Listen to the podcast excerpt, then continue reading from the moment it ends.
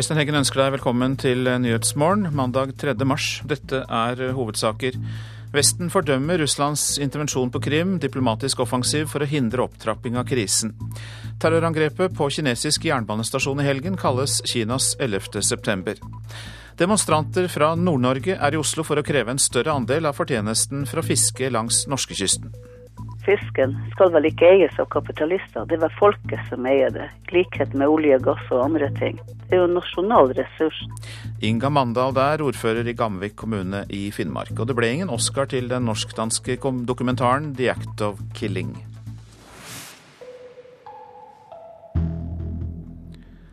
Sammen med resten av Nato fordømmer Norge den russiske militære eskaleringen på Krimhalvøya i Ukraina. Det foregår nå en diplomatisk storoffensiv for å unngå krig. Annet skal den amerikanske utenriksministeren til Kiev. Dette er et enormt feilsteg fra Putin, sier den amerikanske utenriksministeren. Jeg og presidenten håper han vil snu. Det finnes en vei frem til stabilitet i Ukraina. Dette handler ikke om Russland-USA, men om det ukrainske folk, sier Kerry. Mens Kerry snakker, er det klart at Russland har full kontroll over Krimhalvøya. Situasjonen er spent. Tusener av soldater står mot hverandre. Men til nå har det ikke blitt avfyrt et eneste skudd. Ukrainas nye statsminister sier katastrofen står for døren. Mobiliseringen går sin gang, men stadig flere byer øst i landet heiser det russiske flagget. Det foregår et stort diplomatisk arbeide. FN sender sin visegeneralsekretær Jan Eliasson til Ukraina for å vurdere situasjonen. Den tyske forbundskansler Angela Merkel er aktiv med telefonen. I en samtale med Putin skal han ha fått den russiske presidenten til å godta deltakelse i en undersøkelseskommisjon om Ukraina.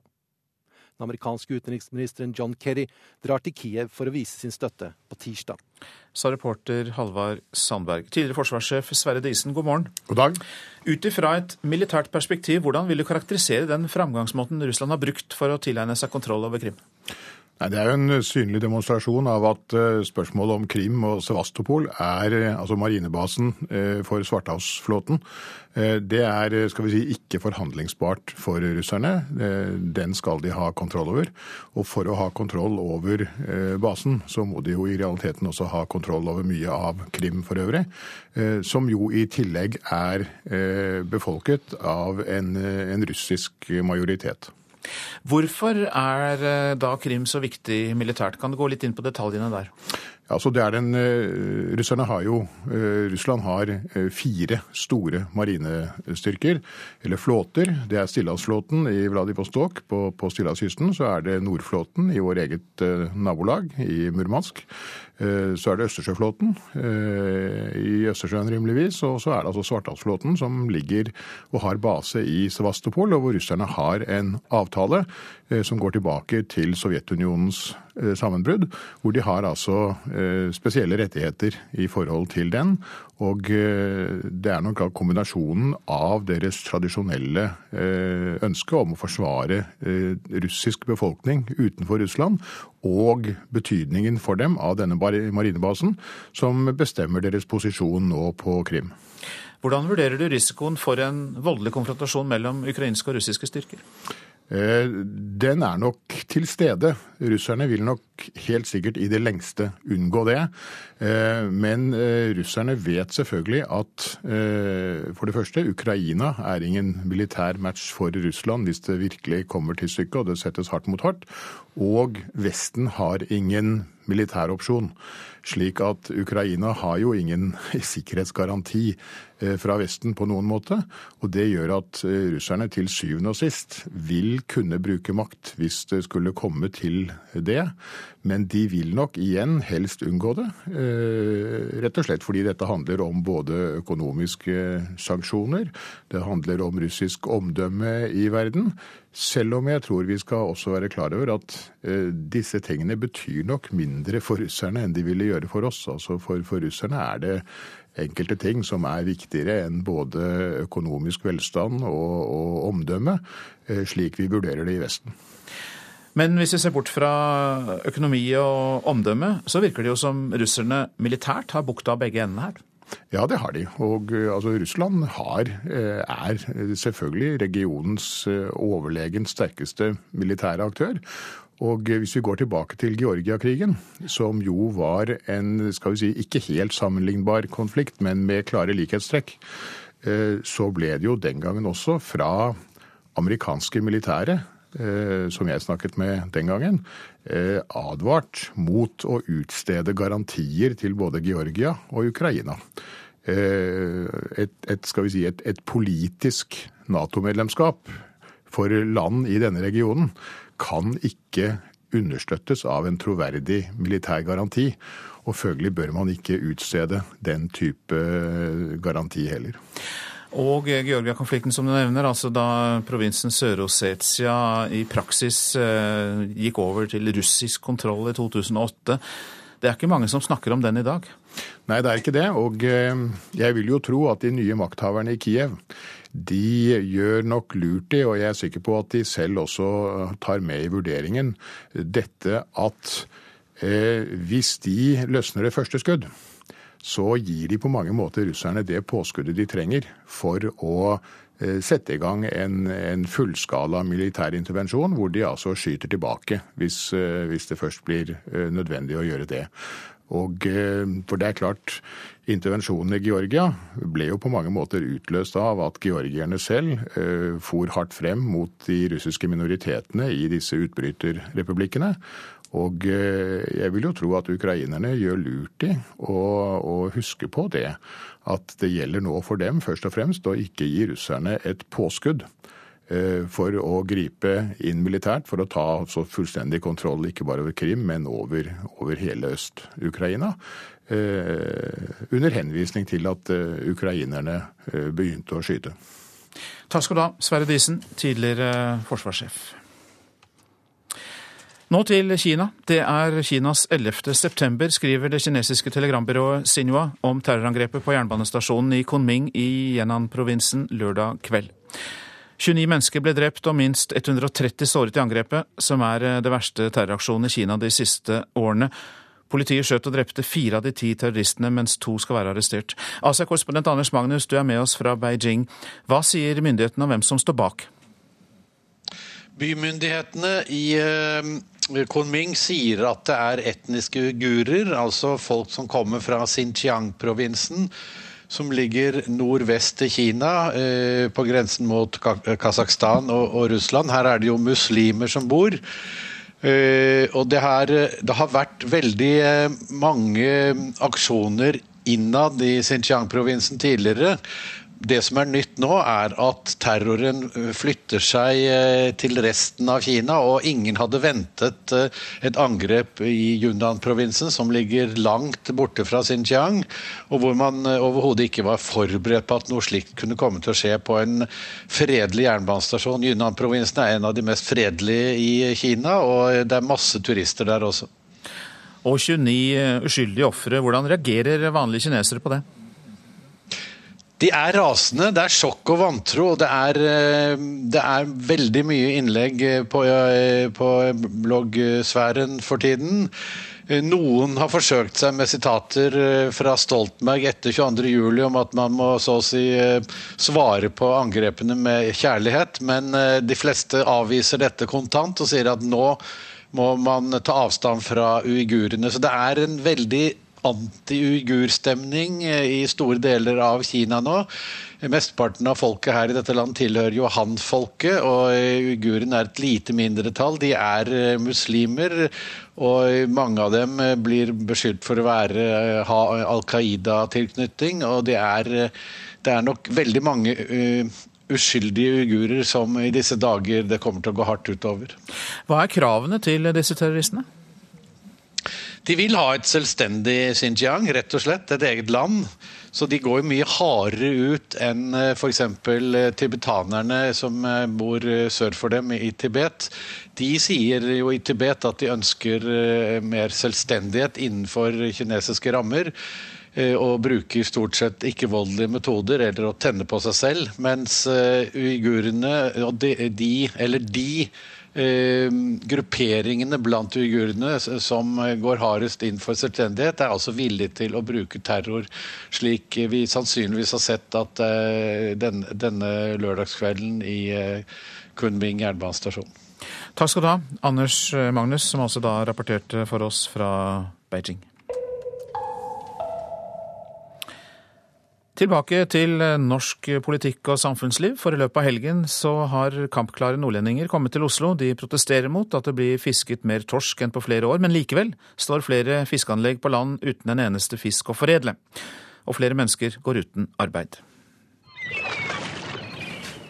Saltvann, måkeskrik og fisk som hopper og spreller i vannet. Enorme båter som drar opp fisk i store mengder. Men nå er det strid om hvorvidt leveringsplikten i nord blir overholdt. Altså om de ulike fiskeanleggene faktisk får den fisken de har krav på.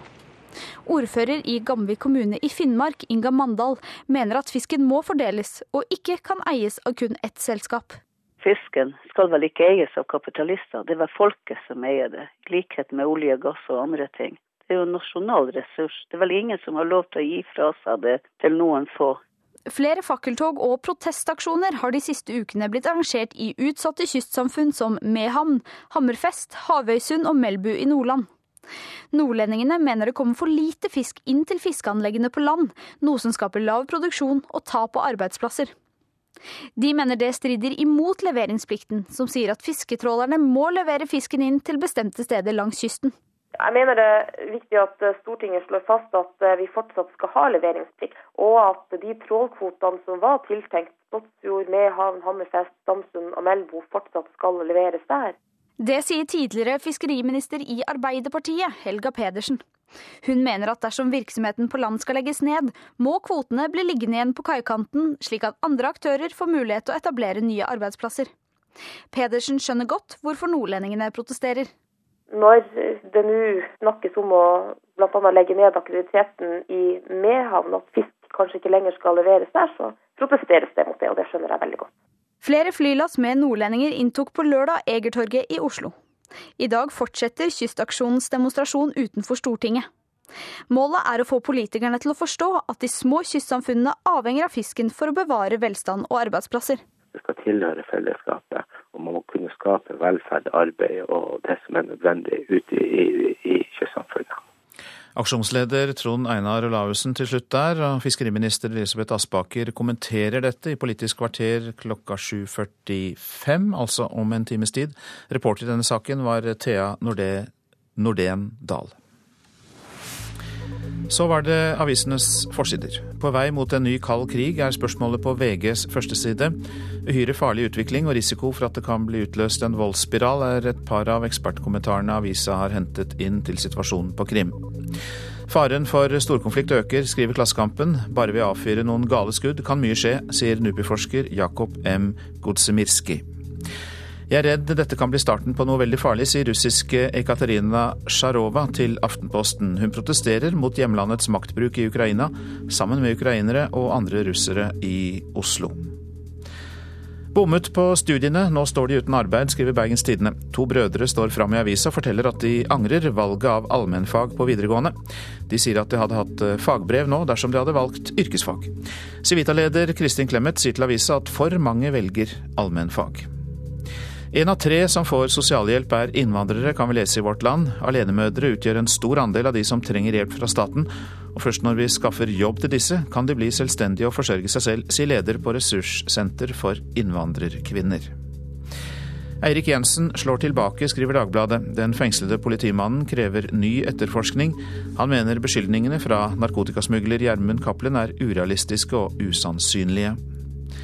Korrekturleser fikk eh, fire millioner kroner etter at eh, jobben hennes ble outsourcet til India, skriver Dagens Næringsliv.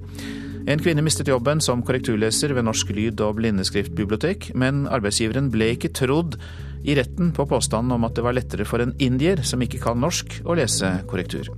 Staten ved Kulturdepartementet må betale kvinnen erstatningen. Ni av ti tar Downs-abort, skriver Dagsavisen. Bare 49 barn med Downs syndrom ble født i Norge i 2012. Tallet har aldri vært lavere. Og det er skremmende. Jeg er redd vi skal få et sorteringssamfunn, sier skuespiller og samfunnsdebattant med Downs, Marte Vekselsen Goksøyr til avisa. Seks av ti voldtektsmenn er tidligere dømt og er allerede i politiets strafferegister, viser en rapport fra Sør-Trøndelag politidistrikt, gjengitt i Adresseavisen. De fleste voldtektene er festrelatert og skjer i helgene, sier politiadvokat Marianne Høier. Etterspørselen etter lokal mat er stor. Spekepølse og fenalår lokker turistene til gardsbutikken på Heggenes i Valdres, skriver Nasjonen. Sju tonn spekepølse blir produsert på gården, i tillegg til pinnekjøttet og fenalårene.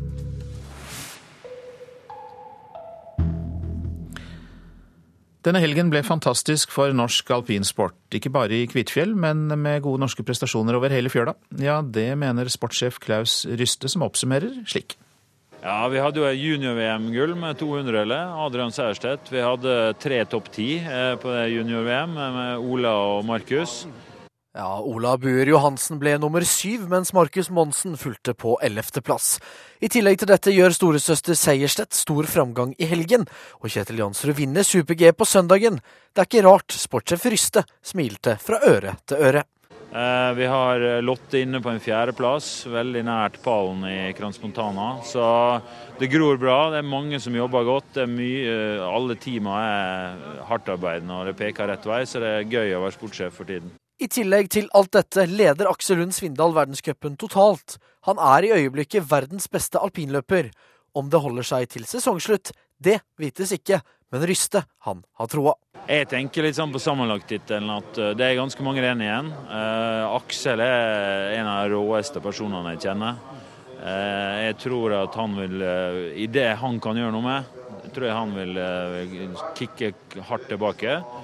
Og så får vi se om Hirscher klarer å matche. Så det blir i hvert fall spennende. Det er garantert. Reporter det var Patrick Steen Rowlands. Dette er Nyhetsmorgen, og klokka den er straks 6.47. Vi har disse hovedsakene. Vesten fordømmer Russlands intervensjon på Krim, diplomatisk offensiv for å hindre opptrapping av krisen. Krimhalvøya er svært viktig militærstrategisk for Russland, sa tidligere forsvarssjef Sverre Disen her i Nyhetsmorgen. Terrorangrepet på kinesisk jernbanestasjon i helgen da 29 mennesker ble drept, kalles Kinas 11. september. Og det er kommet demonstranter fra Nord-Norge til Oslo for å kreve en større andel av fortjenesten fra fiske langs norskekysten. Og nå til Oscar. 'Twelve Years a Slave' ble tildelt prisen for beste film under Oscar-utdelingen i Hollywood i natt. Kate Blanchett fikk Oscar for sin hovedrolle i filmen 'Blue Jasmine'. Oscar for beste mannlige skuespiller gikk til Matthew McConaghy for rollen i Dallas Buyers Club. Dokumentaren The Act of Killing, der norske Piraya Film er medprodusent, fikk ingen Oscar.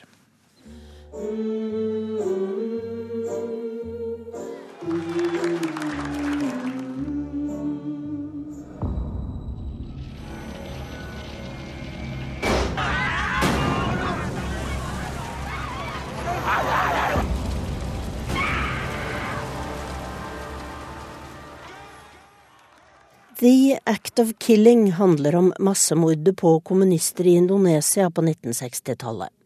Regissør Joshua Oppenheimer har tegnet et tragikomisk portrett av mordere som er ansvarlige for uhyrligheter vi nesten ikke kan forestille oss. 13 nordmenn har jobbet med filmen, blant dem er Torstein Grude, som har hatt en spennende natt i Los Angeles. Vi er veldig skuffa. Så er det jo eh, egentlig som forventa. Um, altså vi, vi tapte mot en uh, feel good-film uh, som ligger akademiet til hjertet, holdt jeg på å si. Altså, det, er, det, det er vanskelig for, for akademiet her å, å, stemme på en, en så tung og, og, mørk og vanskelig film som det vi har lagd. Filmen er jo dypt sett veldig kritisk til amerikansk politikk.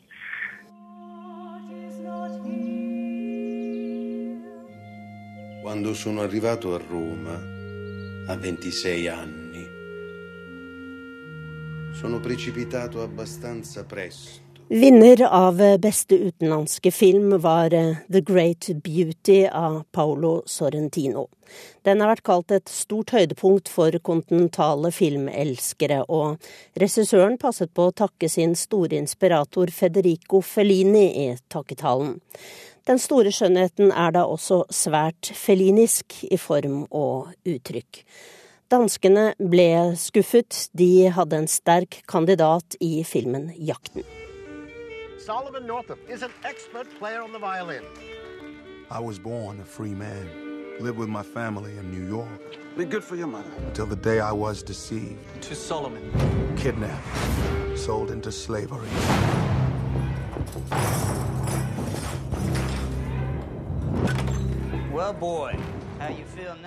Slavedramaet 'Twelve Years a Slave' ble en av vinnerne under nattens Oscar-utdeling.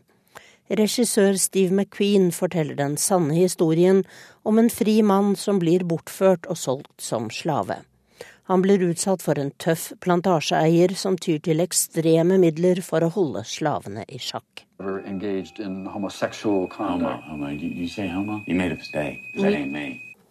Beste mannlige hovedrolle gikk til Matthew McConaughey for Dallas Buyers Club. Vinner av beste kvinnelige hovedrolle ble Kate Blanchett i Woody Allen-filmen Blue Jasmine. Det sa reporter eh, Tone Staud. Birger Vestmo, du er filmanmelder i NRK, har fulgt utdelingen i natt. Og la oss være oss selv nærmest aller først. Det ble ingen pris på den delvis norskproduserte Act of Killing. Hvorfor ikke, tror du? Nei, det er nok eh, fordi Oscar-akademiets medlemmer ikke lenger behøver å se alle dokumentarfilmer for å kunne stemme på den kategorien. Det måtte de tidligere, men en regelendring i fjor gjorde at eh, man ikke lenger behøver å se alle de nominerte, og da er det nok enklere for hovedsakelig amerikanske akademimedlemmer å se en eh, amerikansk dokumentar enn en tung og vanskelig eh, film om indonesiske folkemord. Enklere for juryen, men eh, så får man kanskje ikke fram eh, glitrende ting eh, fra litt mindre og mindre kjente land? Nei, nå har jeg ikke sett 20 Feet From Stardom, som sikkert er en fin dokumentarfilm, men jeg tviler på om den vil gjøre et så dypt inntrykk på meg som det The Act of Killing gjorde. Det var faktisk den sterkeste filmen jeg så på kino i fjor, og jeg hadde virkelig unna The Act of Killing en Oscar for beste dokumentar nå i natt. Men så da til de virkelig store Oscar-vinnerne, og eh, ja, hvem er det i år, eh, slik du ser det? Ja, nå fikk jo da 'Twelve Years a Slave' Oscar for beste film, og det er vel på mange måter den aller gjeveste prisen. Men nattas store Oscar-vinner ble romfartsfilmen 'Gravity', som vant hele sju priser, og det er langt flere enn noen av de andre filmene fikk. Den eh, vant eh, bl.a. for beste regi, beste foto og beste redigering. Og eh, det så jo en stund ut til at den også skulle rake med seg beste filmprisen, men der valgte altså Oscar-akademiet en litt mer, skal vi kalle det tradisjonell Oscar-film. Altså et historisk drama basert på virkelige hendelser, som jo er en sterk filmopplevelse, som er glitrende skuespilt og godt regissert av britiske Steve McQueen. Var det mange av forhåndsfavorittene som fikk pris, eller var det noen overraskelser i det hele tatt, syns du? Nei, altså, De fleste storfavorittene gikk inn, annet Kate Blanchett vant jo da for eh, sin hovedrolle i Woody Allens eh, Blue Jasmine. Og det var også på forhånd eh, venta at 'Twelve Years a Slave' skulle vinne for beste film. Men hvis vi ser på de store overraskelsene, så kan vi si at 'American Hustle', som var den filmen ved siden av 'Gravity' som hadde flest nominasjoner, nemlig ti, ikke vant en eneste en.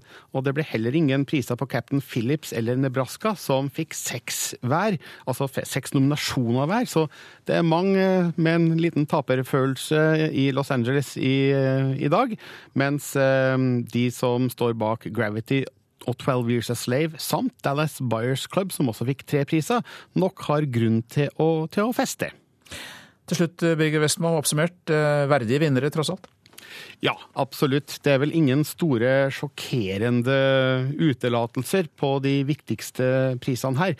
Så jeg tror de fleste vil si at dette var et ganske trygt Oscar-år. Birger Vestmo, takk skal du ha. Du er filmanmelder her i NRK. Ja, nå til noe helt annet, som vi gjerne sier, for nå skal vi snakke om birøkt. Det er nemlig økende interesse for å drive med bier. I Telemark ble årets nybegynnerkurs raskt fulltegnet. Leder i Porsgrunn birøktelag, Odd-Rikard Liland, tror mange har fått opp øynene for hvor viktig biene er for naturen. Det har vel en sammenheng med at uh, globalt så er det jo en bidød. og eh, altså Interessen rundt da, disse skapningene er altså blitt veldig stor. Og byene, de er viktige? Ja, altså det er vel Einstein som sier et eller annet sted at uh, dør biene, så dør vel vi også. Globalt er det bidøden som er problemet. Men i Norge har problemet til nå vært at det er birøkterne som har forsvunnet. Men nå ser det ut til at trenden er snudd. Etter mange år med nedgang får Birøkterforbundet nå flere medlemmer for hvert år som går, og flere ønsker å gå på nybegynnerkurs. Og ifølge Liland er dette en hobby som kan passe for mange. Altså jeg tror de må ha en god porsjon med tålmodighet, at de er rolige bevegelser og sånne ting. Og også interesse da for disse skapningene. Og så kan du eventuelt tilegne og kjøpe materiell og utstyr. For Du trenger ikke ha en svær gård? Nei, nødvendigvis ikke. Og det er eh, altså Du kan gjerne ha dem i hvilehaver, men det er også svært viktig at du tenker og kanskje prater litt med naboen, så at ikke du setter en kube plutselig der, og naboen er kanskje engstelig for da bier, og du skaper en redsel. Det er viktig å prate med naboen.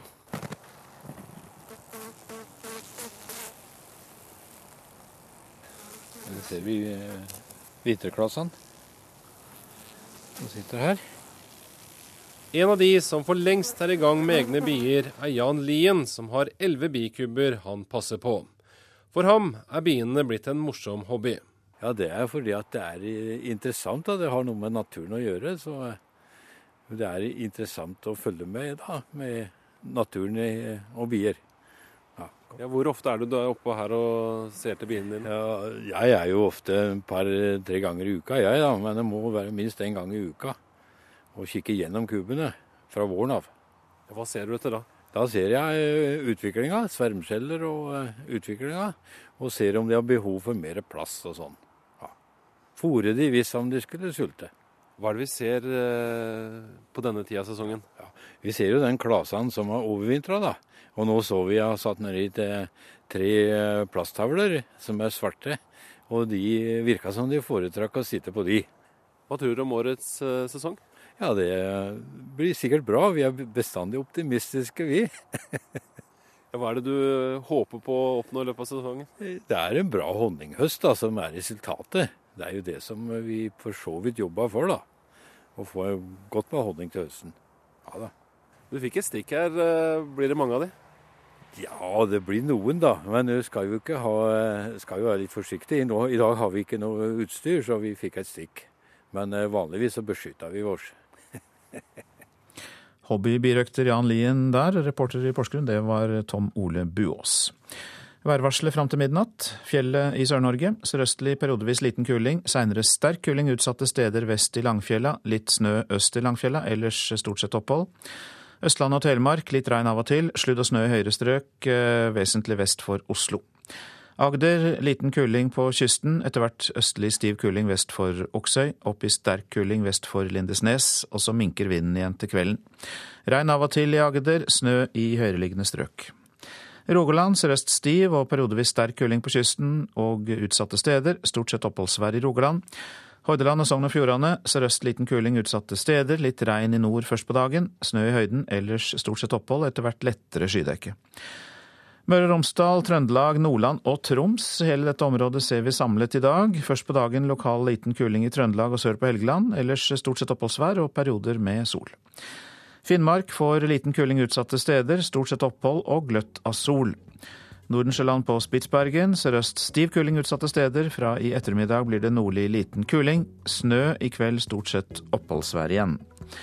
Temperaturer målt klokka fire. Svalbard lufthavn null. Kirkenes minus to. Vardø og Alta én grad. Tromsø-Langnes null. Bodø to. Brønnøysund tre.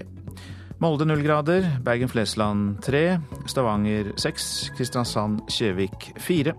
Gardermoen og Lillehammer begge null grader. Røros minus to grader, mens Oslo-Blindern hadde pluss to grader. Og dette var situasjonen klokka fire i natt.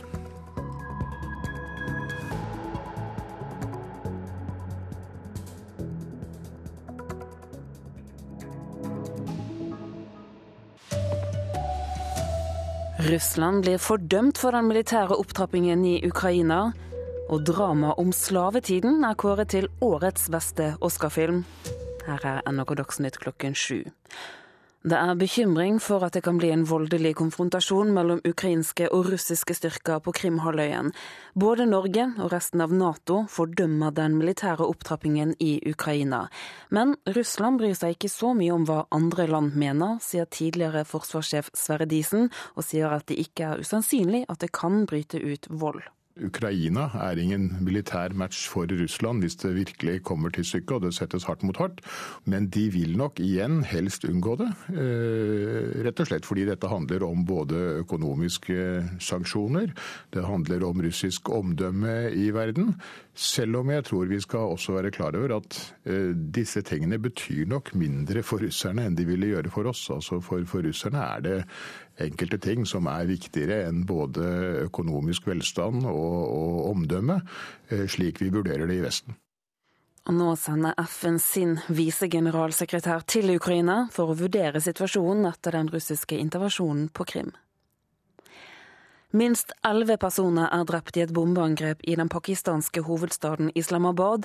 Angrepet skjedde i en rettsbygning og ble utført av væpnede menn. Ifølge offisielle kilder ble minst 30 personer skadet. Området rundt bygningen er nå sperret av. Flere skoler i området er evakuert, men ingen har så langt tatt på seg ansvaret for angrepet. Teologen, presten og forfatteren Jakob Jervel er død, 88 år gammel. Jervel var professor ved Det teologiske fakultet ved Universitetet i Oslo. Han var internasjonalt anerkjent som ekspert på Det nye testamentet, og mottok Ridderkorset av St. Olavs orden i august 2000. Andy Oscar goes to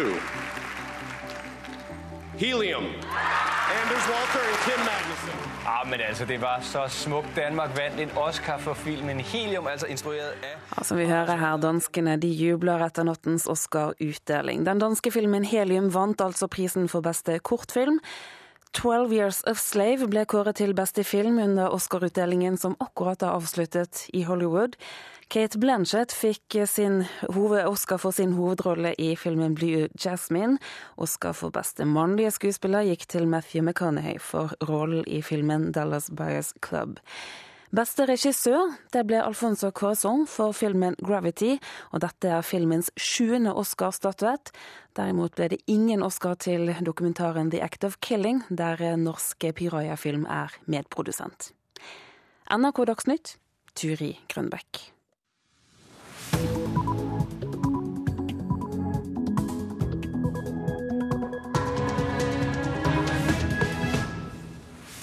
Nyhetsmorgen fortsetter med disse sakene. Diplomatisk offensiv for å hindre opptrapping av krisen mellom Russland og Ukraina.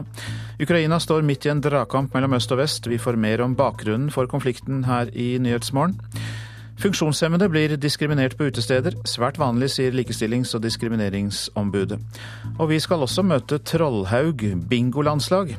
Noen mener bingo er kult, og ikke noe å være flau over. Først vender vi oss til deg, utenriksmedarbeider Jan Espen Kruse. Du er nå på Krimhalvøya, og ifølge meldingene har russerne nå eh, kontroll der. Er det også det inntrykket du har? Ja, det er eh,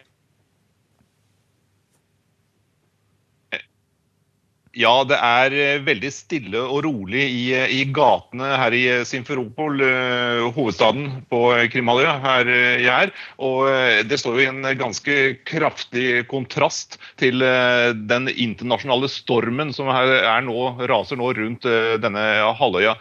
De russiske styrkene er i ferd med å befeste sine stillinger ifølge de siste meldingene. altså Da gjelder det militærleirer og våpenlagre osv. Er det ordinære russiske styrker? Eh, det er veldig vanskelig å si. Nei, ikke ordinære. altså Om de kommer fra den russiske svartehavsflåten. Eh, en del gjør nok det. En del er tidligere militære, en del er tidligere politifolk, og en del har nok kommet fra Russland. Eh, men veldig mange av disse styrkene opptrer i uniformer som ikke viser at de er, at de er russiske. Du sier at du opplever situasjonen i øyeblikket som eh, relativt eh, rolig. Er det det inntrykket du har eh, av hvordan folk ser på det også, som bor på Krim? Ja, altså De aller fleste her er jo uh, russisktalende, har russisk bakgrunn. De er uh, veldig fornøyd med at uh, Russland viser så klar holdning og er villig til å støtte befolkningen her sånn. Det de frykter naturligvis, er at det skal komme form, en form for militært angrep fra ukrainsk side. Altså at den ukrainske hæren skal bli satt inn, at det skal bli et angrep. Ehm, men de fleste regner med at den russiske hæren er eh, langt sterkere enn den ukrainske, og eh, at den ikke egentlig vil kunne stille opp hvis, hvis eh, store russiske styrker blir satt inn. Ja, og I tråd med det, Kruse, hvilke signaler er kommet fra ukrainske myndigheter? Ja, De kaller jo dette en krigserklæring, det som har skjedd. De eh, bruker eh, veldig store ord. Eh, men de har altså holdt seg unna. De, de mener at de vil prøve å unngå det de kaller en provokasjon. De vil unngå at, at de russiske styrkene får en grunn, at de russiske politikerne får en tungtveiende grunn til å gripe inn enda sterkere militært i, den, i konflikten om Ukraina. Ukraina. Men situasjonen er jo veldig veldig uoversiktlig. Og, eh, og, det er jo sett fra de nye myndighetene i Kievs side, så er jo situasjonen virkelig håpløs, virkelig forferdelig. Hvilke diplomatiske grep blir tatt? Ja, FNs visegeneralsekretær Jan Eliasson skal eh, komme til Kiev i dag. Han skal begynne samtaler. Eh, USAs utenriksminister John Kerry er ventet eh, i morgen til Kiev. Sånn at det internasjonale diplomatiet koker jo rundt denne krisen akkurat nå. Det ser man ikke så tydelig her, her på Krimhalvøya. Men det graves altså skyttergraver i dette grenseområdet mellom mellom Krim og resten av eh, Ukraina, så situasjonen er ikke egentlig rolig. Takk skal du ha, Jan Espen Kruse, som altså rapporterte for oss eh, fra Krim. Uroen i Ukraina ble utløst da landets daværende president Viktor Janukovitsj sa nei til å undertegne en ferdigforhandlet frihandels- og samarbeidsavtale med EU. Russland har lenge vært imot et slikt samarbeid.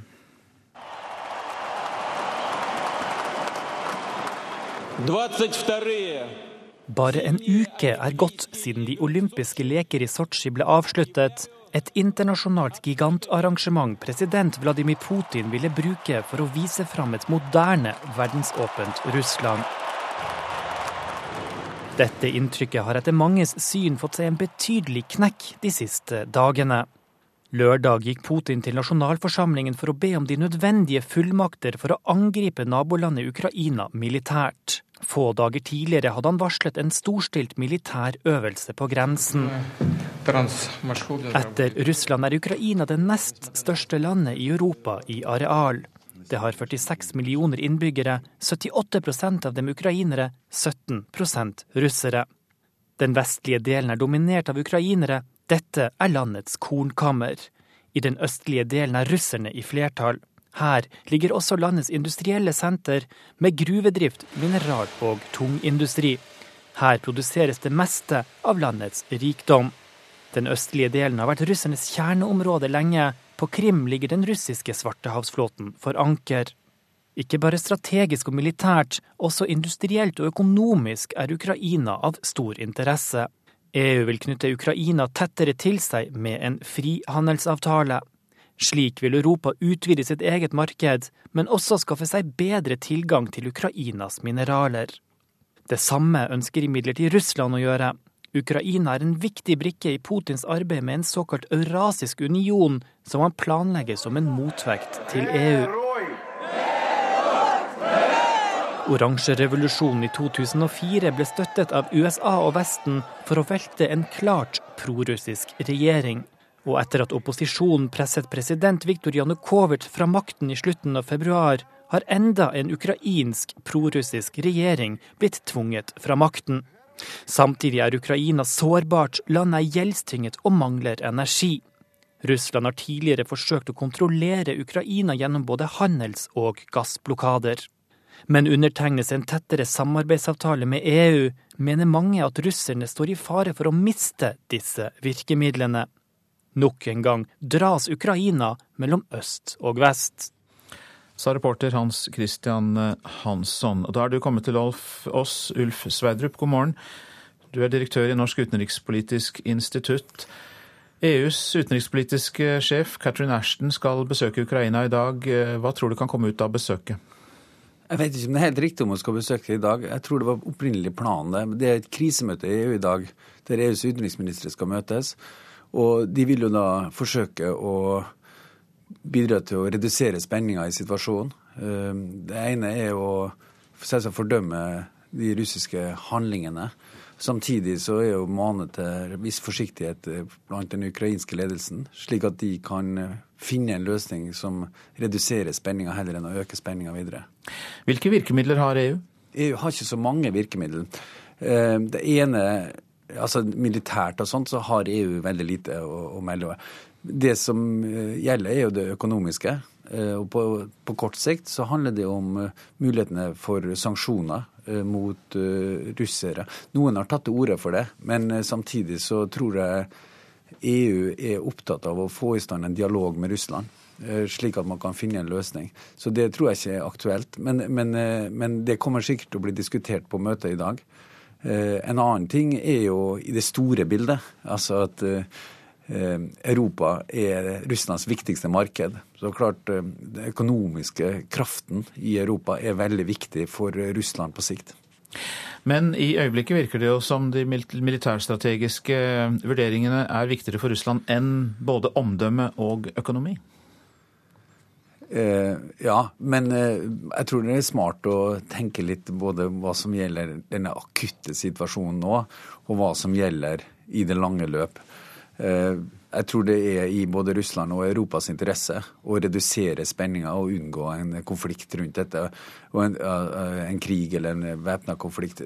Så det, nå er jo et stort internasjonalt diplomati som gjelder på det. Og da klart, Det er veldig viktig for EU å hjelpe til å støtte Ukraina, og samtidig stå fast ved noen prinsipper. Samtidig så gjelder det å åpne opp for en form for dialog, for å se hvilke muligheter man eh, kan, gå, kan forfølge for å finne en løsning. Mange har grepet eh, til uttrykket 'ny kald krig' mellom Russland og Vesten. Vil du strekke deg så langt? Nei, eh, altså det er jo Det er omgjør å unngå nå en kald krig. Situasjonen er veldig spent, eh, men det er jo eh, Ukraina vi er et grenseland mellom Europa og Russland, og det må man finne en løsning på. Og det omgjøres å stå på for å unngå å komme i en situasjon som en kald krig. Men er eh, Krim tapt for Ukraina? Det, det vet man jo ikke. Det er jo noe som eh, folk på Krim eh, må bestemme selv. Eh, det er jo svært uheldig og beklagelig hvis det er på en måte en invasjon som skal bestemme det. Hva som er Krims skjebne. Eh, de har en spesiell status i Ukraina allerede og hva som skal være deres skjebne fremtid, det må det ukrainske folk på en måte få lov til å bestemme. Takk skal du ha for at du kom hit til Nyhetsmorgen, Ulf Sveidrup, som er direktør i Norsk utenrikspolitisk institutt. Nå tilbake til Oslo, for i dag starter en sak i Oslo tingrett, der en 44 år gammel mann har saksøkt staten etter å ha blitt holdt på glattcelle lenger enn den tillatte fristen på 48 timer. Flere tusen arrestanter sitter mer enn to døgn i politiarrest hvert år, og retten skal derfor ta stilling til om Norges praksis er i strid med menneskerettighetene. Mannens advokat Frode Sulland sier saken er av stor prinsipiell betydning. Bakgrunnen er jo både knyttet til at eh, min klient opplevde plasseringen på glattcelle som svært belastende, men også at uh, dette er en praksis som Norge har uh, drevet med Eh, i svært mange år, uten at eh, det har etterkommet den kritikken som har vært. Frode Sulland er advokat for mannen som nå går til søksmål mot staten etter at han ved to anledninger ble holdt på glattcelle lenger enn den tillatte fristen på 48 timer. En oversikt fra Politidirektoratet viser at det i 2011 var 3500 oversittere i landets politiarrester, eller 6,5% av det totale antall personer som ble arrestert. Sulland er kritisk til at innsatte blir holdt isolert i politiarrest, i stedet for å bli overført til varetekt, og viser til de psykiske skadevirkningene av isolasjon. Det er eh, søvnproblemer, konsentrasjonsproblemer, angst, eh, helt uh, alvorlige psykiske lidelser, også utbrudd av psykose, og vi har tilfeller av selvmord. Cellene i den nye sentralarresten i Oslo består av glatte vegger, en gul madrass og toalett i det ene hjørnet. Som regel er det ikke adgang til dusjing, lufting eller samvær med andre innsatte. Det er i dag 20 år siden Europarådet første gang ga Norge hard kritikk for bruken av isolasjon, og Sulland mener det er viktig å få en slutt på praksisen. En dansk forsker har beskrevet det som en dårlig vane. Og skal dette stå seg overfor menneskerettighetene, så trenger man en eh, begrunnelse for at dette er nødvendig i et demokratisk samfunn. Jeg kan først si at eh, Statens syn generelt er at praksis med såkalt oversitting, som denne saken gjelder, det er eh, ikke heldig. Det sier saksøkers motpart, Marius Emberland, hos regjeringsadvokaten. Men selv om staten anerkjenner problemet med oversitting, er Emberland likevel i tvil om den 44 år gamle mannen har fått krenket sine menneskerettigheter. Dette er eh, litt teknisk, men til dels kan man vel si at oppholdene ikke er av en slik varighet og ikke har det preg av isolasjon som gjør det naturlig å si at det er en krenkelse av uh, Den europeiske menneskerettighetskonvensjonen i denne saken. Saken er likevel så prinsipielt viktig at begge parter vil kjempe hardt for å vinne, tror 44-åringens advokat Frode Sulland. Jeg er jo forberedt på at det kan gå flere rettsinstanser. Enten resultatet blir sånn eller slik, så vil jeg kanskje tro at begge parter er interessert i å få dette prøvd helt til topps i rettssystemet. Marius Embeland på sin side sier han har tro på at staten vinner fram. Det er i hvert fall statens syn at eh, det er grunnlag for å eh, frifinne staten. Eh, og det er jo et standpunkt vi har tro på, ellers ville vi jo heller ikke ført disse argumentene for retten. Og Det er satt av fem dager til denne saken i Oslo tingrett. Reporter Kristine Næss Larsen. Dette er Nyhetsmorgen. Klokka har passert 7.17. Vi har disse hovedsakene. Vesten fordømmer Russlands intervensjon på Krim, diplomatisk offensiv for å hindre opptrapping av krisen. Minst elleve personer er drept i et bombeangrep i den pakistanske hovedstaden Islamabad. Og 'Twelve Years a Slave' ble beste film under Oscar-utdelingen, som akkurat er avsluttet i Hollywood. Dokumentaren 'The Act of Killing', der norske Piraya-film er medprodusent, fikk ingen Oscar.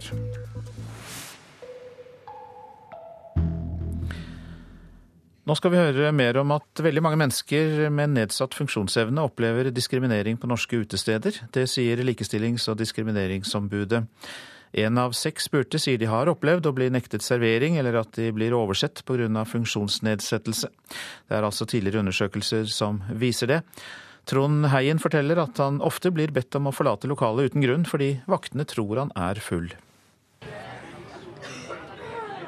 Vi kom inn i et eh, lokale og det var mørkt. Og det, ja, ganske mørkt. Og da, med øya mine da, som ikke funker helt som de skal, så, så så vel jeg ganske bedugga ut, tenker jeg, da jeg gikk mot bardisken. Trond Heien har øyeprotese på det ene øyet og ser dårlig på det andre. I, hvis det er mørkt, så sliter jeg veldig. Eh, jeg har veldig dårlig mørkesyn. Jeg går langsomt og eh, hvis det f.eks. er noen trappetrinn eller noen trinn opp eller ned, så må jeg gå sakte og prøve å kjenne meg fram litt. Og vakten kom og var for så vidt høflig og blid og sa at eh, du har dessverre drukket for mye og må forlate stedet. Eh, jeg sa bare at jeg tror du tar feil, men det nytter vel ikke å diskutere med deg, og det bekrefta han at det var ikke noe vits i. Denne episoden valgte han å ta videre til Likestillings- og diskrimineringsombudet, som konkluderte med diskriminering. Men han forteller at det samme skjer nesten hver gang han går ut. Det føles jo veldig ubehagelig å eh, bli kasta ut eh, fra steder og ikke være ønska. Og det er vel ved sakens kjerne at, eh, at det er en feilvurdering som er fullt ut forståelig. Eh, vi får eh, fortellinger fra veldig mange som opplever at de nektes adgang på utesteder. Eller at de ikke blir servert, eller at de blir oversett og trakassert. Og noen får direkte beskjed om at vi vil ikke ha sånne som deg her. Sier likestillings- og diskrimineringsombud Sunniva Ørstavik. Det er vanskelig å registrere denne form for diskriminering. Det å si ifra at du har blitt diskriminert, at du ikke er ønsket på et utested, det oppleves av veldig mange som skamfullt. Hilde Charlotte Solheim i hovedorganisasjonen Virke understreker at diskriminering ikke skal skje på norske uteplasser. Det er et problem vi kjenner til. Det er at folk med et, eh, en funksjonsnedsettelse, som enten er medfødt eller som de har fått f.eks. gjennom sykdom eller ulykke, kan, eh, at man kan misforstå og tro at de er beruset. Vi har også eksempler på at utesteder har fått eh, anmerkning og blitt tatt i skjenkekontroll når gjesten faktisk har hatt en funksjonsnedsettelse, ikke vært beruset. Solheim mener løsninga er mer kunnskap. Det er vanskelig å unngå. Det er bare økt kunnskap, økt kompetanse hos ordensvakter, på utestedet og i skjenkekontrollen som gjør at vi kan løse dette, sånn at byen er et hyggelig sted å være for alle. Ja, Trikset er jo da på en måte å unngå situasjonen. Det er vel det som jeg har gjort. At jeg, jeg eh, går mindre ut.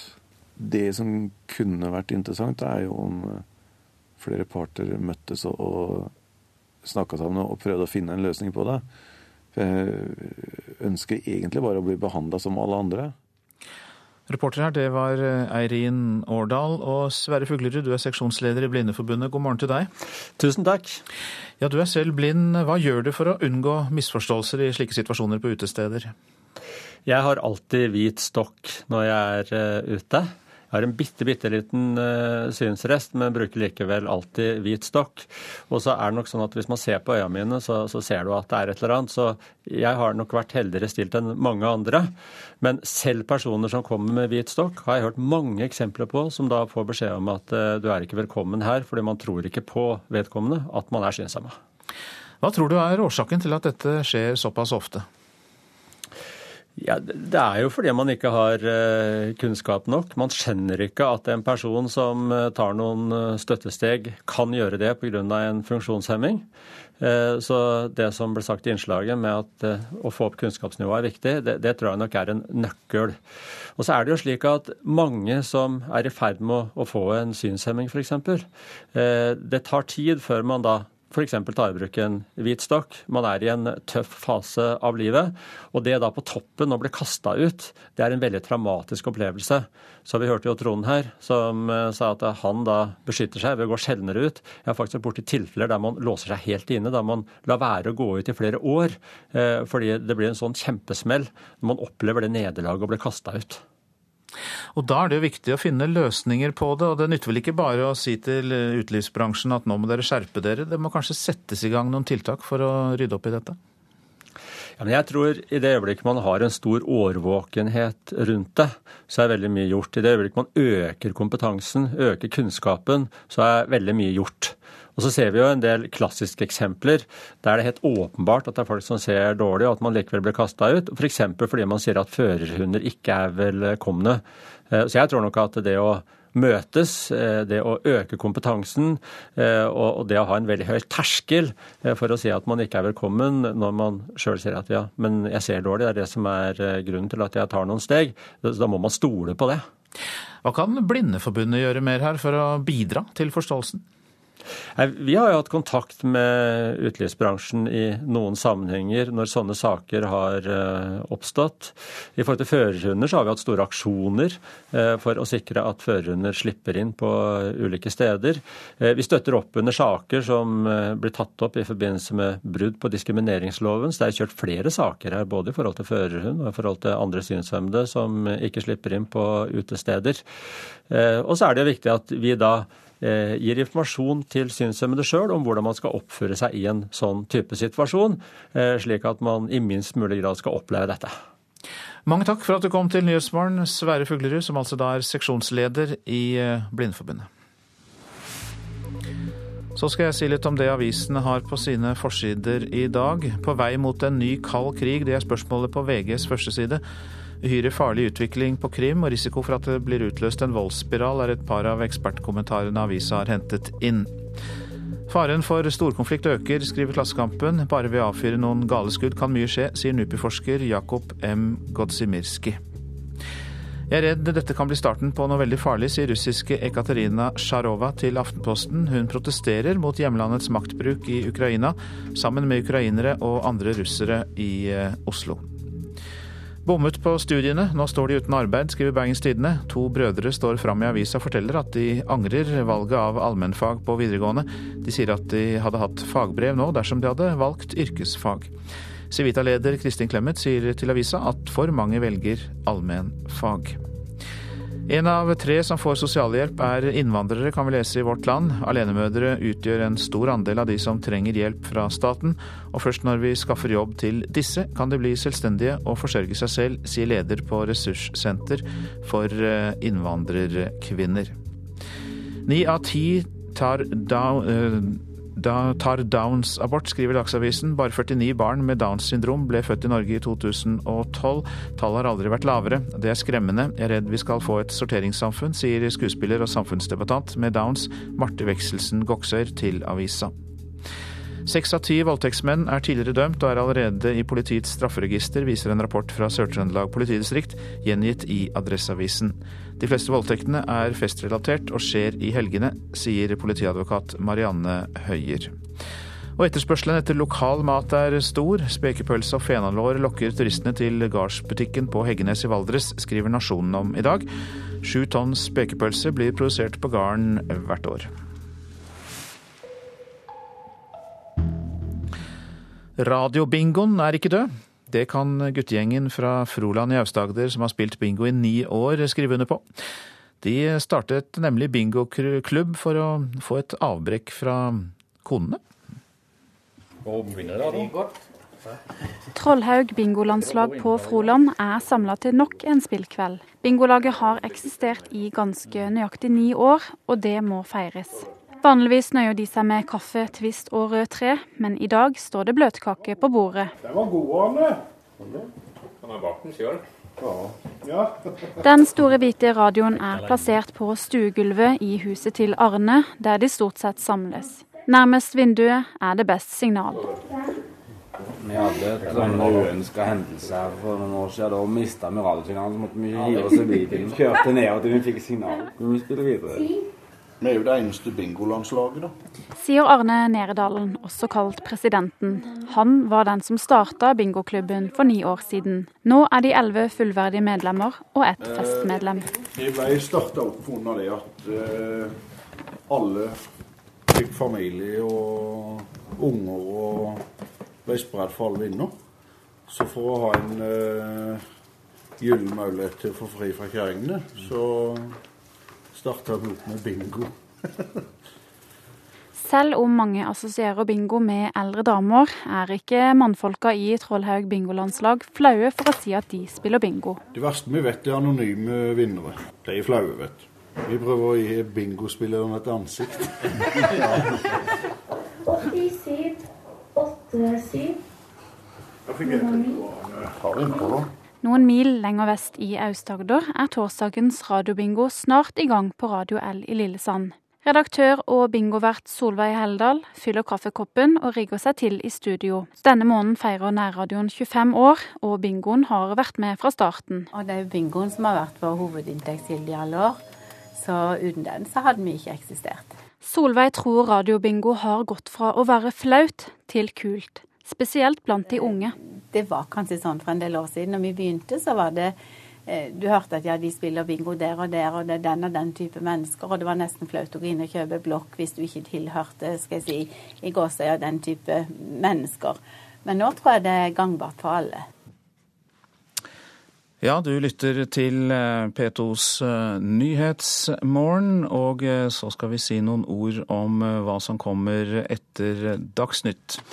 Syrere ble evakuert fra Homs for to uker siden, men andre veien ble et musikkinstrument fraktet inn i den beleirede byen. Den historien forteller vi etter Dagsnytt. Utenriksminister Børge Brende kommer til Politisk kvarter for å snakke om situasjonen i Ukraina. Og vi skal også høre om sinte nordlendinger som er kommet til Oslo i løpet av helgen for å forlange en større andel av fortjenesten fra fisken som fanges langs norskekysten. Prosent for Nyhetsmorgen, Eli Bjelland. Her i studio, Øystein Heggen.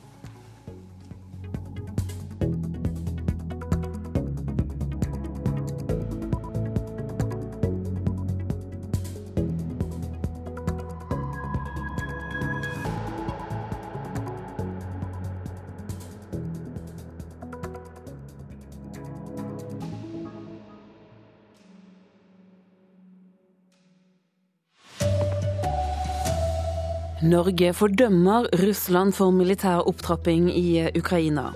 Det er vanlig at funksjonshemmede blir diskriminert når de er på byen, sier ombud. Og norsk Oscarskuffelse i natt, men slavedrama vant flere priser. Riktig god morgen, her er NRK Dagsnytt klokken 7.30. På Krimhalvøya skal Russland nå ha tatt full kontroll. Samtidig fortsatte den ukrainske mobiliseringen. Ingen skudd er avfyrt, men den ukrainske statsministeren sier landet står foran en katastrofe. Utenriksmedarbeider Jan Espen Kruse, du er på Krim.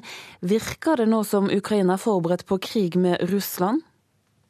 Eh, det er det store spørsmålet hvordan ukrainerne kommer til å svare. Eh, på, I gatene her på Krimhalvøya, i Simferopol hvor jeg er, så er det merkelig stille. Eh, men det pågår altså et utrolig drama på det internasjonale plan rundt hva som skal gjøres videre. Folk her er veldig glad for støtten fra Russland, garantien om å kunne bruke militær makt. Men de frykter naturligvis også at det skal komme et militært angrep fra ukrainsk side. For, for eh, hæren der er satt i høyeste beredskap, og reservestyrker er jo eh, kalt inn. Men det spørs om den ukrainske hæren er i stand til å stå imot den russiske, hvis det skulle komme så langt. Jan Espen Kruse, vi hører at linjen til Krimhalvøya der du er, den er litt ustabil. Men eh, det er slik at Russland skal ha full militær kontroll i området. Er det noe du også ser? Uh, på flyplassen f.eks. at uh, der er det spesielle vakter som har kontroll. Rundt parlamentet er det også vakter. Uh, en, en, en, spesiell vaktstyrke. De sier det er tidligere politifolk som har stilt opp. Tidligere militære offiserer. Sånn at de har i stor grad kontroll. Og de, også, de vokter også på våpenlagre og militære installasjoner. Så, så ja, den, de, de russiske styrkene har i realiteten, tror jeg er riktig å si, overtatt eh, Krimhalvøya. Og eh, vi har jo sett at eh, de ukrainske militære ikke har noen ting å stille opp med, de som fortsatt er her. Jan Espen Kruse fra Krimhalvøyen, takk skal du ha. Det er altså bekymring for en voldelig konfrontasjon mellom ukrainske og russiske styrker. Både Norge og resten av Nato fordømmer den militære opptrappingen i Ukraina, men Russland bryr seg ikke alltid så mye om hva andre land mener. Det sier tidligere forsvarssjef Sverre Disen, som som sier at det ikke er usannsynlig at det kan bryte ut vold. Ukraina er ingen militær match for Russland hvis det virkelig kommer til stykket og det settes hardt mot hardt. Men de vil nok igjen helst unngå det. Eh, rett og slett fordi dette handler om både økonomiske sanksjoner, det handler om russisk omdømme i verden. Selv om jeg tror vi skal også være klar over at eh, disse tingene betyr nok mindre for russerne enn de ville gjøre for oss. Altså for, for russerne er det enkelte ting som er viktigere enn både økonomisk velstand og, og omdømme, eh, slik vi vurderer det i Vesten. Utenriksminister Børge Brende, det er altså slik at Norge fordømmer den russiske militære eskaleringen. Men hva vil vi gjøre med det? Som du sier, så er det en eh, svært farlig situasjon som har oppstått. Og sammen med Nato så har vi jo nå eh, fordømt den eskaleringa som skjer. Vi vil nå overfor Russland understreke viktigheten av at de også starter den dialogen med Ukraina som Ukraina har bedt om. Uten at den dialogen eh, starter opp, så er jeg redd at dette kan eskalere videre og ende eh, i eh, militære episoder og handlinger. Hvor stor er faren for det? Det er jo det vi forsøker å unngå nå. Det er klart at Russland har gjennom eh, det som har skjedd på Krim og militære eskaleringer, eh, brutt da Ukrainas suverenitet og også da territorielle integritet, altså brutt grensene. Dette må nå løses gjennom en dialog, og vi må også legge stor vekt på at dette ikke eskalerer videre. Hva skal til for å skape denne dialogen du snakker om? Det er slik at uh, russiske myndigheter må da starte den dialogen som Ukraina har uh, da bedt om. Dette er da Russland forplikta til, både gjennom det som er av bestemmelser i FN, uh, Europarådet og lignende. Og nå er det også slik at Nato vil legge et betydelig press på Russland politisk. Og jeg tror at de neste dagene blir avgjørende for hvordan denne konflikten utvikler seg.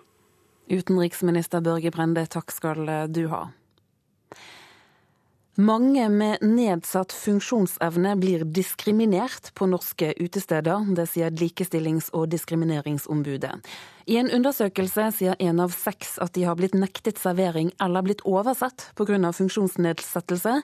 Trond Heien forteller at han ofte blir bedt om å forlate festen uten grunn, fordi vaktene tror han er for full. Vi kom inn i et uh, lokale, og eh, det var mørkt. Med øya mine da, som ikke funker helt som de skal, så, så så vel jeg ganske bedugga ut, tenker jeg, når jeg gikk mot bardisken. Trond Heien har øyeprotese på det ene øyet og ser dårlig på det andre. Det fører til at det er vanskelig for han å ta seg fram inne på mørke uteplasser. Og vakten kom og var for så vidt høflig og blid og sa at eh, du har dessverre drukket for mye og må forlate stedet. Eh, jeg sa bare at jeg tror du tar feil, men det nytter vel ikke å diskutere med deg, og det bekrefta han at det var ikke noe vits i. Denne episoden tok han videre til Likestillings- og diskrimineringsombudet, som konkluderte med diskriminering. Men han forteller at lignende skjer nesten hver gang han skal ut. Det føles jo veldig ubehagelig å eh, bli kasta ut fra steder og ikke være ønska. Og det er vel ved sakens kjerne at, at det er en feilvurdering som er fullt ut forståelig. Vi får eh, fortellinger fra veldig mange som opplever at de nektes adgang på utesteder. Eller at de ikke blir servert, eller at de blir oversett og trakassert. Sier likestillings- og diskrimineringsombud Sunniva Ørstavik. Hilde Charlotte Solheim i hovedorganisasjonen Virke understreker at diskriminering ikke skal skje på norske uteplasser.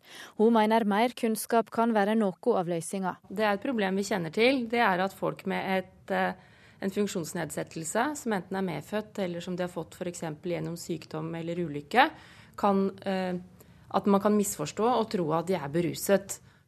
Reporter her var Eirin Årdal. Antall fostre med Downs syndrom som blir abortert, har aldri vært høyere enn i 2012, viser tall fra Medisinsk fødselsregister. 49 barn med Downs ble født levende i 2012, 69 ble abortert, skriver Dagsavisen. Tallene viser også at rundt ni av ti kvinner som får vite at de er gravid med et barn med Downs, velger å ta abort. I natt ble filmen 'Twelve Years a Slave' kåret til beste film under Oscar-utdelingen i Hollywood. Men dokumentarfilmfavoritten 'The Act of Killing', den norske Piraja-filmen med en produsent, måtte gå skuffet hjem etter utdelingen i natt.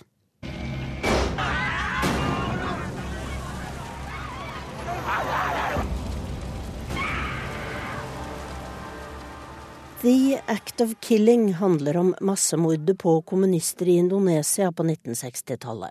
13 nordmenn har jobbet med filmen, blant dem er Torstein Grude, som har hatt en spennende natt i Los Angeles. Vi er veldig skuffa. Uh, samtidig så er det jo uh, egentlig som forventa. Um, altså vi, vi tapte mot en uh, feel good-film som ligger akademiet nært til hjertet. holdt jeg på å si. Filmen er jo dypt sett veldig kritisk til amerikansk politikk. Slavedramaet 'Twelve Years a Slave' ble vinneren av beste film under nattens Oscar-utdeling. Regissør Steve McQueen forteller den sanne historien om en fri mann som blir bortført og solgt som slave. Solomon Northup is an expert player on the violin. I was born a free man. Kate Blanchett, som spiller en forfengelig kvinne i oppløsning i Woody Allens film Blue Jasmine, tok i natt imot prisen for beste kvinnelige hovedrolle. Matthew McConaughey spiller aids-syk i filmen Dallas Buyers Club, og han vant prisen for beste mannlige hovedrolle. Homo, homo. You, you Ja, reporter her, det var Tone Staude. Så kan vi også nevne at romdramaet Gravity, med Sandra Bullock og George Clooney i hovedrolle, vant aller flest priser under nattens utdeling. Filmen fikk med seg hele sju Oscar-statuetter. Ansvarlig for denne Dagsnytt-sendingen det er Arne Fossland. Det er Lars Tronsmoen som har ansvaret for alt det tekniske. Her i studio, Turi Grønbekk. Dette er Nyhetsmorgen. Det var under dramatiske omstendigheter syrerne i Homs gamle bydel ble evakuert for to uker siden. Samtidig pågikk en transport den andre veien, inn til Homs. Dette er den utrolige historien om et musikkinstrument, som kollega Tom Christiansen forteller. Fader Ghassan fra den bombede byen Homs samler barn av alevittiske og sunnimuslimske foreldre for å la dem leke sammen. Han mener de først og fremst er unger og kan leke over religiøse grenser. Men det er ikke et ufarlig arbeid. Andre patere er blitt tatt til fange og har forsvunnet for lignende virksomhet. Ved juletider var han i Oslo og traff Erik Hillestad, lederen for Kirkelig kulturverksted. Han ble betatt av paterens mot og visjon, så han spurte om det var noe han trengte. Jo, svarte fader Gassan. Var det noe han trengte av alle ting i Homs, så var det et piano. Hillestad samlet inn penger og dro til Beirut for å kjøpe piano sammen med fader Gassan. De fant et veldig bra instrument hos pianohandler Kalendarian, en armener og selger av klaverer til den som trenger musikk innerst i Middelhavet. Men å få pianoet til Homs Fader Gassan ville ta det langs kysten, men det ville ikke pianoet tåle. Sjøvann og klaver hører ikke sammen. Det må gå over land, sa pianohandleren. Det tåler det. Men fins det noen som kan gjøre det? Internasjonale transportbyråer skulle ha en formue, kanskje mer enn pianoet kostet for frakten. Fader Gassan hadde en annen idé, han kjente noen som kunne gjøre det billigere. Pianoet ble bundet fast bakpå en pickup, og så gikk frakten opp Libanons fjell mot grensa. Der er veiene usedvanlig dårlige, bilen ristet og kastet på seg, det dunket, men pianohandleren hadde sagt at det ikke ville ødelegge stemmingen. På grensen måtte de forklare hva dette var. Hva skulle det brukes til? Hva var inni? Hvorfor? Hvem? I Damaskus ble pianoet plassert på et trygt sted, men det verste gjensto.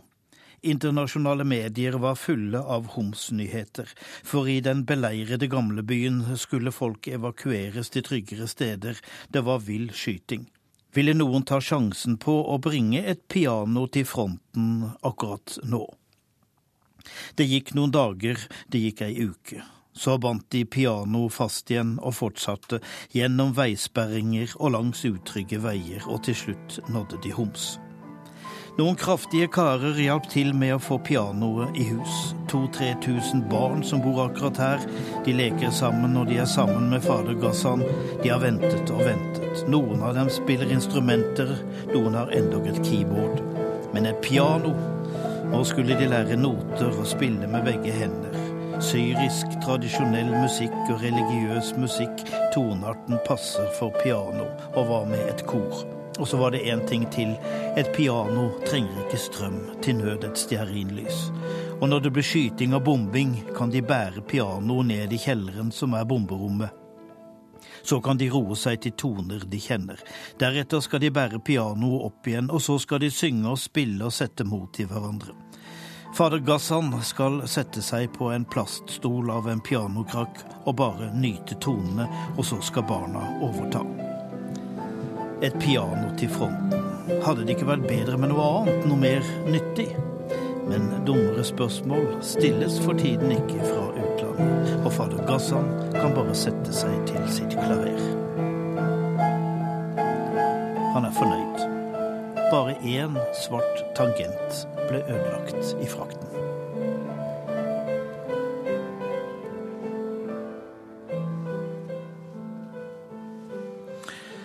Dette er eh, Nyhetsmorgen. Vi har disse hovedsakene. Norge og andre vestlige land fordømmer Russlands intervensjon på Krim. EU og FN med diplomatisk offensiv for å hindre opptrapping av krisen mellom Ukraina og Russland. Mange med nedsatt funksjonsevne blir diskriminert på norske utesteder. Det sier Likestillings- og diskrimineringsombudet. Antall fostre med Downs syndrom som blir abortert har aldri vært høyere enn det var i 2012. Det viser tall fra Medisinsk fødselsregister.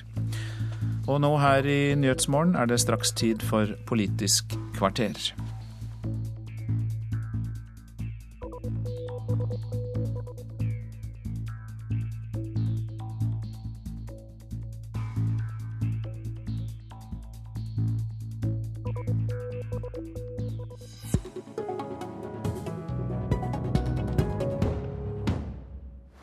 Norge fordømmer den militære opptrappingen i Ukraina. Krisen må løses uten bruk av vold, sier Børge Brende. Dette er Politisk kvarter i NRK P2 og NRK1, der vi også skal snakke om kystopprøret og misnøyen med norsk fiskeripolitikk. God morgen, jeg heter Per Arne Bjerke. Utenriksministeren landet på Gardermoen nå i morges og er på vei til NRK. Først om kystopprøret. I ettermiddag demonstrerer fiskere og fiskeriarbeidere utenfor Stortinget. Fiskerne og kystbefolkningen forlanger å få en større del av fortjenesten av den fisken som fanges utenfor norskekysten. For mens det fiskes mer torsk enn på mange år, står flere fiskeforedlingsanlegg i Nord-Norge tomme, uten en eneste fisk å foredle. Og verre kan det bli. Hvorfor er det slik, fiskeriminister Elisabeth Aspaker? La meg si det sånn at Jeg støtter det som kystopprøret nå tar til orde for, at mer av eh, den fisken som finnes i Barentshavet i rike monn, skal foredles i Norge. Men vi har en fundamental utfordring knytta til lønnsomhet i denne delen av industrien. Og vi må nå lete etter de gode løsningene fremover som skal sikre oss helårig tilførsel av råstoff, helårige arbeidsplasser og lokalsamfunn som kan føle trygghet for at dette er arbeidsplasser som også representerer fremtida. Nestleder i Arbeiderpartiet og tidligere fiskeriminister Helga Pedersen. Dere satt med makten i åtte år, og i fire årene så styrte du selv fiskeripolitikken. Hva er din forklaring på at mottakene står tomme mens havet koker av torsk? Det er jo eh, flere bedrifter eh, som, eh, som, driver bra og som går med veldig god lønnsomhet. Kjernen i denne saka handler om trålerne sin leveringsplikt.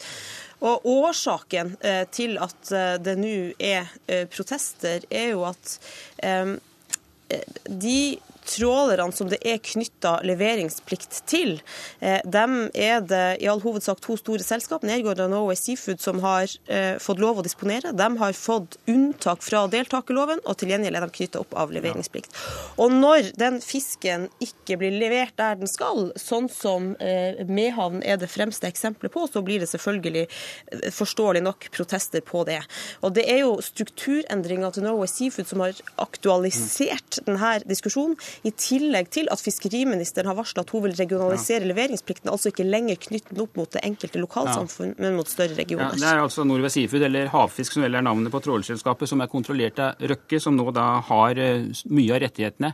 Uh, og uh, Aspaker, har dere gitt bort fiskerirettighetene til Røkke og andre mektige fiskere på bekostning av kystbefolkningen? Nei, det spørsmålet må du jo først og fremst stille til Helga Pedersen. Ja, men nå stiller jeg til deg, for nå er det du som har makta. Jeg, jeg skal svare på det.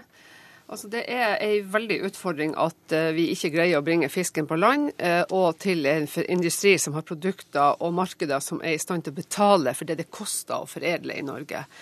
Og så har altså jeg nå bedt om en redegjørelse fra Fiskeridirektoratet, som skal ta for seg hvordan leveringsplikten har vært kontrollert, og hvordan den faktisk har vært praktisert siden 2006 og frem til nå. Og jeg syns det er ganske freidig av Helga Pedersen å sitte her, og hvor man har hatt ansvar i åtte år og ikke har foretatt seg en eneste ting som skal bidra til at lønnsomheten i denne industrien blir bedre. Ja, for du går jo ikke fri, eh, Helga Pedersen, bl.a. når det gjelder de rettighetene som Røkke fikk i din regjeringstid. Det var nå faktisk siste Bondevik II-regjeringa satt eh, med ja. makta. Men vi kan gjerne bruke mye tid på å diskutere historia. Det får vi sikkert mange mm. eh, anledninger til. Eh, vi gjorde innstramminger i regelverket for leveringsplikten, men vi er ikke fornøyd med at vi ikke kom i mål med det. Derfor vil vi videreføre det engasjementet når vi nå sitter i opposisjon. Men eh, la nå historie være historie. Spørsmålet er hva gjør vi nå? Og der har jo Arbeiderpartiet, Senterpartiet og SV fremma forslag i Stortinget om å slå fast prinsippene i leveringsplikten, sikre at de leveringspliktige trålkvotene blir levert til landindustrien der det var tiltenkt, og at hvis virksomhet på land legges ned, så skal kvotene bli liggende igjen på kaikanten. Sånn at noen andre får sjansen til å drive lønnsom virksomhet på land. Men her går det jo et veiskille i Stortinget, nettopp fordi at fiskeriministeren har varsla at hun vil kutte båndene mellom sjø og land. Knytte leveringsplikter til regionen. Og disse innstramningene, disse innstramningene som Helga Pedersen sier hun har gjort i leveringsplikten, hvor i all verden er det? Man sendte på høring forslag til innstramninger, men det skjedde absolutt ingenting. Og Regjeringa har ikke kutta noen bånd til leveringsplikten. Den skal bestå. sånn at det er ingen tvil om at den fisken som landes i Nord-Norge, fortsatt skal landes i Nord-Norge i fremtida. Skal vi trekke inn eh, tredje kvinne her. Eh, Inga Mandal, ordfører i Gamvik kommune i Finnmark eh, for SV, som da lever med disse problemene. Det var hos deg kystaksjonen startet. og Hva venter du å få ut av den demonstrasjonen du skal være med på senere i dag? Jeg venter at fiskeriministeren i dag ikke lar saka ligge, men setter seg ned og lese alle forpliktelser, alle kontrakter nøye. For det her dreier seg om leveringsforpliktelsen, samtidig at det ligger en aktivitetsplikt Gamvik kommune har inngått en avtale med Aker mm. Seafood om aktivitet på anlegget i Mehamn. Den aktiviteten har Aspaker fritatt dem fra, med at de har funnet ut at det ligger juss i det her. Det her dreier seg om politikk, fiskeripolitikk, felles ressurser. Vi godtar det faktisk ikke. Derfor er vi her nede. Derfor står vi og demonstrerer foran Stortinget klokka ett i dag. Vi var ikke på Eidsvoll i 2014. Nord-Norge er her i dag. Stemmen skal høres. Kvoter på land og ut av Finnmark. Jeg hører Det er stort engasjement, Aspaker? Ja, og det, jeg forstår det. Men altså, vi arva en sak i departementet som handler om denne aktivitetsplikten til Mehamn. Den ligger ikke i de avtalene og de vilkårene som staten har inngått, men jeg er klar over at det foreligger en avtale mellom Gamvik kommune og Aker Seafood, og den må kommunen nå forfølge rettslig, sånn at man kan få oppfylt intensjonene i den. Helga Pedersen, bør kommunen forfølge dette rettslig, hvordan vil dere bidra for å få gjort noe med dette, for å hjelpe jeg, jeg, befolkningen hos Inga Mandal? Jeg mener det er et politisk ansvar å sikre at Mehamn-samfunnet fortsatt får kvoter eh, tilgjengelig.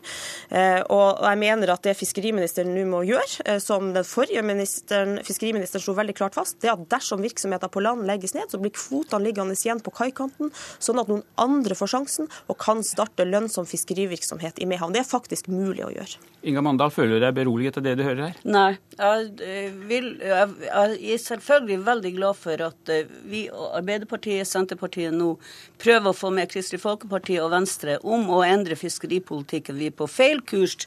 Hvis, eh, hvis det flommer over av for mye kvoter, så trekk tilbake samfunnskvotene som er gitt med dispensasjon i deltakerloven. Det går på kjøl til Kina, kommer tilbake frossenprodukt som er bearbeidet, dårligere kvalitet. Vi forlanger kvalitet på bordet bordet. Vi forlanger at de bedriftene som kan foredle kvalitetsfisk, får muligheten. Jeg finner meg ikke i politisk pissprat. Vi skal ha handling, og det krever vi. At Aspaker sier at den forrige regjeringa Hvorfor i all verden skifter vi regjering hvis man ikke ønsker å føre sin egen ja. politikk og endre den? Ja, Aspaker, du skal svare på det. Ja, nei, altså det, eh, det, er det som Kjernen her er at aktivitetsplikten ikke er til stede i mannen. Det står et anlegg som Norway Seafood sier at de skal selge. Og jeg har latt meg fortelle at det er interessenter til anlegget. Og så er det som er viktig, det er fortsatt leveringsplikter med havn.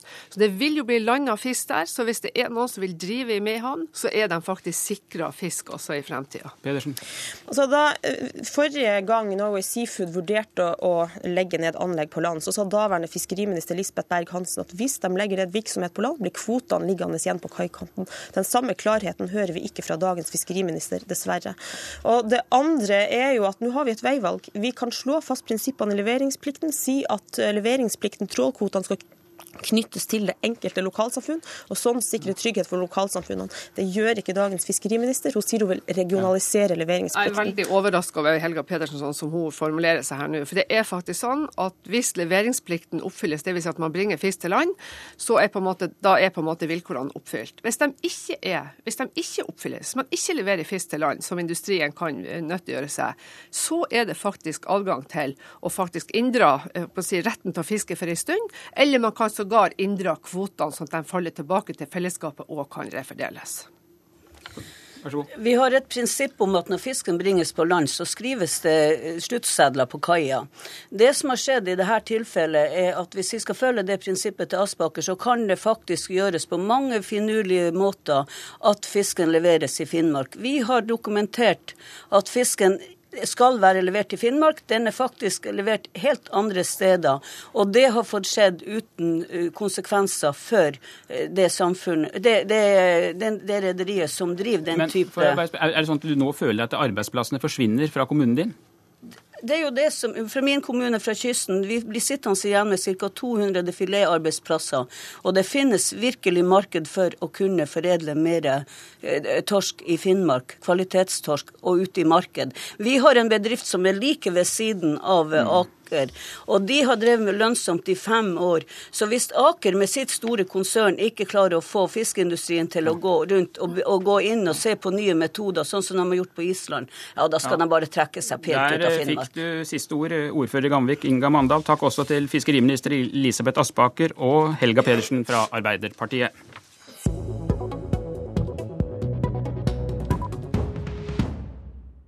Utenriksminister Børge Brende har nettopp eh, landet på Gardermoen etter et besøk i Myanmar og Singapore, og nå er han på vei inn i studio. Vær så god, velkommen, ta plass. Du er selvfølgelig blitt holdt eh, løpende orientert om utviklingen i Ukraina. Hva er din og regjeringens reaksjon på det som nå skjer i landet? Det er jo en svært farlig eh, situasjon eh, som har oppstått. Og regjeringa fordømmer jo eh, da den militære eskaleringa som Russland har ansvar for eh, på Krim.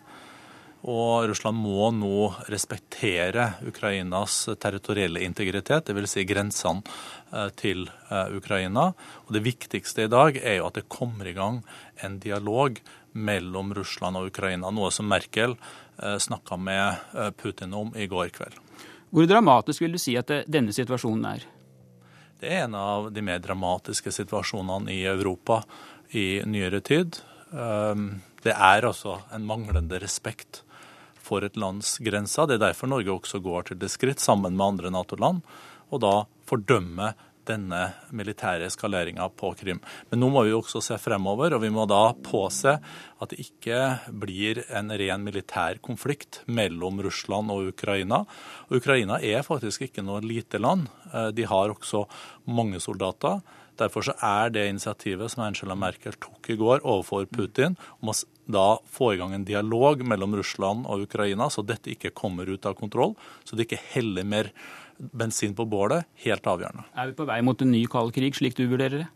Det er det vi nå vil forsøke å unngå eh, gjennom dialog, gjennom at Nato også eh, forsøker å da eh, få Russland til å besinne seg og forholde seg til den internasjonale folkeretten. Vi må jo ikke glemme at det nå som har skjedd her, det er en manglende respekt på et lands suverenitet. Mm. Og det er brudd på prinsipper som alle land har slutta seg til, også Russland, nemlig den internasjonale folkeretten. Det er det det dreier seg om. Kan denne konflikten gå så langt at den kan true stabiliteten og freden i Europa, slik du vurderer det? Det er en eh, farlig situasjon som har oppstått. Derfor er det helt avgjørende at man i de nærmeste dagene håndterer dette på en god måte. Og det ansvaret påhviler også Russland. Russland har et stort ansvar når det gjelder å forholde seg til den internasjonale folkeretten. Og nå må Russland innlede en dialog med den nye ledelsen i Ukraina for å unngå at det blir slik at de nå besvarer det de opplever som en provokasjon fra Russlands side. Nå er det jo et stykke fra å true med militærmakt til å gjøre alvor av trusselen. Og kan det bare være sabelrasling som vi nå ser at Putin driver med? Det er jo slik at uh, Russland på Krim-halvøya faktisk har da gått uh, inn uh, i det som er ukrainsk område.